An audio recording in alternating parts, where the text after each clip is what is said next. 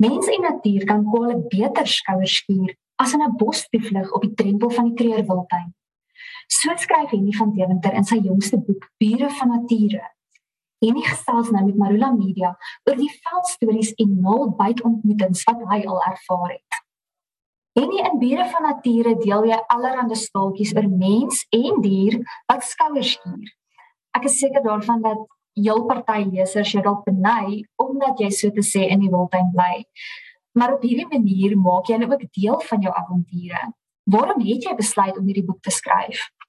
Wel, Christa, ek skryf maar van die begin daar, 23 jaar gelede het ek begin om my uh, ervarings op te teken. Daar lê 'n stapel boeke in Sabie Park.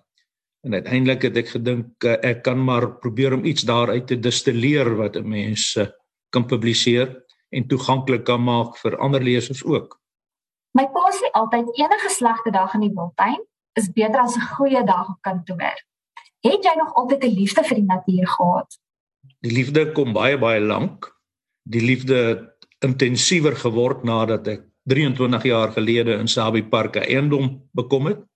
Toe het ek eers werklik kennis gemaak met baie aspekte van die natuur wat van tevore by my verbygegaan het en ek word net liewer en liewer. Maar ek stem 100% saam met jou wyse vader oor sy opmerking oor een dag in die wildtuin. 'n Vorige boekie wat ek geskryf het, se naam was 1000 dae langs die Sabie. Dit trek seker nou omtrent by 2000 dae langs die Sabie en elke dag is 'n fees. Die hele destyds die eiendom in Sabie Park gekoop het, was dit in daardie storm vir jou logiese stap om nader aan die wildtuin te trek? Ek het 'n kollega gehad wat so 'n swaaltjie bestaan gevoer het. 6 maande in Hermanus, 6 maande net buitekant Hazy View. En ek het gedink dit is nogal interessant om te eksperimenteer. Ek het na begin navraag doen om 'n plekkie te huur vir 'n paar maande daar. In die volgende oomblik toe beland op my lesenaar hierdie eiendom wat te koop was, 'n weduwee wat hom wou verkoop en anders as 'n kruiwa of 'n 'n graaf of 'n iets het ek hom eintlik gekoop sonder dat ek hom gesien het. Ek het tog later daarom gaan kyk wat ek gekoop het, maar ek is nooit spyt gewees nie. Nou en nie oor die jare het jy waarskynlik talle noue ontkomings ervaar.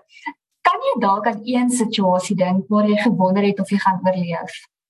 Nie werklik nie. Ek het uh, ons het baie ervarings gehad. Ons het geskrik vir slange veral luiperds wat om die huis ronddwaal hyenas wat by ons op die stoep kom staan het terwyl ons aan tafel sit en eet. Maar ek het nooit gevoel dat my lewe bedreig was nie. Ek het my nooit dood geskrik nie. Daarom so bietjie benoud geraak as 'n ou in jou bed lê en die hyena loer vir jou deur die gasdeur van die stoep se kant af dan dan raak jy ietwat benoud Maar jy voel daarom nie hier het my laaste oomblik op aarde nou aangebreek nie.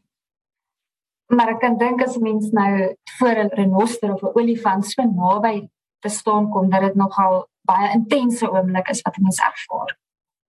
Ja, wel by 'n olifant het ek persoonlik nou nie ek het nie een van aangesig tot aangesig ooit ontmoet nie. My dogter het in die beginjare op die wandelpad uh, te staan gekom vir 'n klompie olifante uh, op pad huis toe een aand en sy en haar vriende toe soos hulle dit genoem het leopard creek dis kruip nê nee, hulle toe gekruip om verby die olifante te kom. Hulle het hulle nogal bleek geskrik en dan is daar vriende uh, wie se kinders baie naby aan olifante beland het. Die naaste wat ek aan 'n olifant gekom het was toe ek my vrou afgeneem het met 'n olifant se agtersteewe so eentjie van ons af, maar die olifant was rustig, my vrou was rustig en ek was rustig. Nou nee, soos jy gesê het, groeie liefde vir die natuur en dan is dit eintlik moeilik om uitsonderings te maak. En soos jy ook nou net gesê het, daar's nie regtig een waar jy voel jy vrees vir jou lewe nie. Maar watter storie en bure van nature is jou gunsteling? Het jy dalk 'n gunsteling herinnering of 'n storie wat jy gedeel het?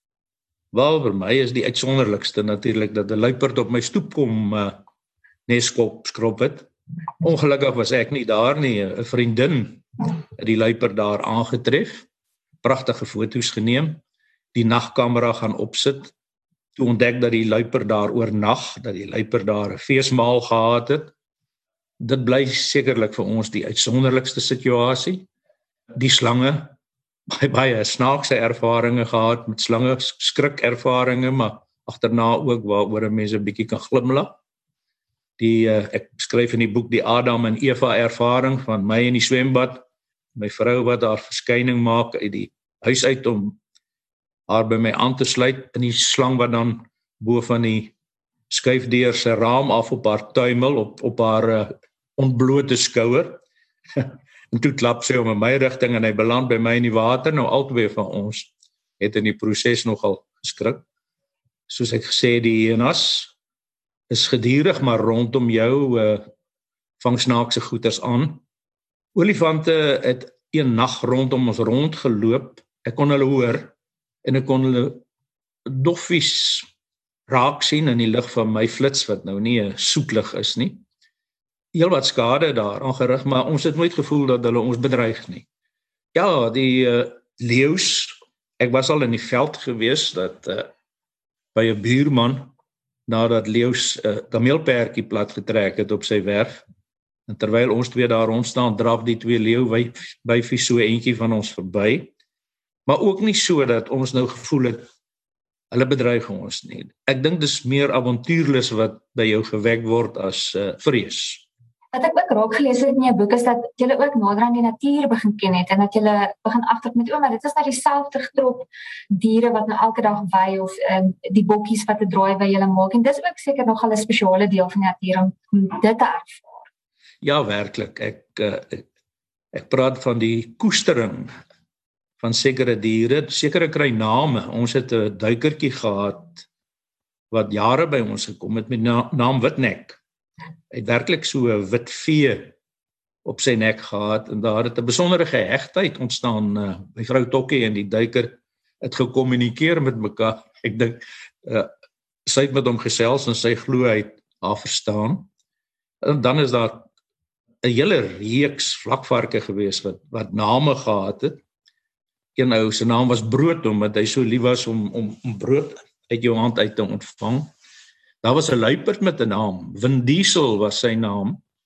Uh, Almal het vir Vin Diesel geken. Vin, Vin Diesel was 'n werklik een van die groot persoonlikhede van Sabie Park gewees totdat hy uiteindelik maar ook die weg van alle vlees gegaan het. Jy erken hulle, jy erken selfs ons het nou met ons jongste vakansie het ons twee sebras aangetref wat kom skuil het teen 'n koel windjie op ons stoep. En agterna hulle weer gesien en net half spontaan hulle herken aan die strepe. Dit is ons twee sebras wat ons gister op ons stoep gehad het. Nou en iets wat vir my uitstaan van jou boek is die taalgebruik jy het 'n manier om selfs vir die voëls 'n stem te gee met jou gechirp chirp. So vertel my meer oor jou passie vir Afrikaans en die verwoording van dieregeluide. Wel, ek het baie baie lief vir Afrikaans. Ek was natuurlik 36 jaar lank in die Afrikaanse koerantwese gewees. Ek borg die woord koerant by die Woordeboek van die Afrikaanse taal. Ek is gestel op Afrikaans, op suiwer Afrikaans. Ek het 'n broertjie dood aan die moderne manier van praat met al die Engelse woorde wat ingeryg word. Dit is nie 'n aangeleerde passie nie, dit is 'n ingebore passie vir die taal en ek voel gevlei as jy as jy die taal aangenaam, streelend vind. Maar dit dit is maar hoe ek skryf en dit is maar hoe ek praat. Ek bedoel dis 'n wonderlike ontdekking om te sien hoe jy die voelgeleide net om vir lesers 'n idee te gee om die voelgeleide te verwoord en daar staan chirp chirp en chewy en wat ook al jy dit daar gebruik. En ek wil ook net byvoeg in 1998 uitgetree het, was jy die uitvoerende hoof van Naspers se koerant afdeling en jy was 12 jaar redakteur van Volksblad. So dit is waar jy ook dan nou gewerk het en te kores lank betrokke was. Dis korrek. Ja, en uh net om daar 100% eerlik te wees oor die voelgeleide ek leen daarom ook by ander mense. In die boek staan daar byvoorbeeld is daar 'n hele paragraaf hier oor die liedjie wat die Baard Wipstert sing en dit is nie ek wat daardie liedjie opgeteken het nie. Ek leen dit by Kenneth Newman uit sy voorboek uit. So dit is nie oral en nie van Deventer wat so slim en so oulik is nie, maar ook ander mense. Nee, ek sê sommer vir hulle dankie terwyl jy met my gesels. Kan ook sê aan die einde van elke storie is daar ook 'n naskrif en waar jy dan bronne geraadpleeg het, dan noem jy dit ook so dat mense mense kan dit dan verder ontdek sou hulle dalk wou. Ja, nee, wel ek glo daarom mense moet erkentlik wees. Mense gaps nie sommer net iets en maak iemand anders se wyshede of kundigheid jou eie nie. Jy jy, jy erken dit, maar uh, ek dink ook nie jy moet dit verlore laat gaan nie as as iemand nou iets ouliks gesê het of iets oulik raak gesien het dan uh, dink ek dit kan gedeel word met ander mense as jy net erkenning aan jou bron gee. Ja, absoluut. Nou, en nie voor ons groet wil ek by jou hoor, wie is die teikenmerk en waarom sal mense dit geniet om diere van nature te lees? Wel, Christa, ek is 'n natuurliefhebber en daarom interesseer die stories my. Ek glo elke mens wat lief is vir die natuur behoort ietsie daarin te vind wat uh, aanklank vind by hom of haar.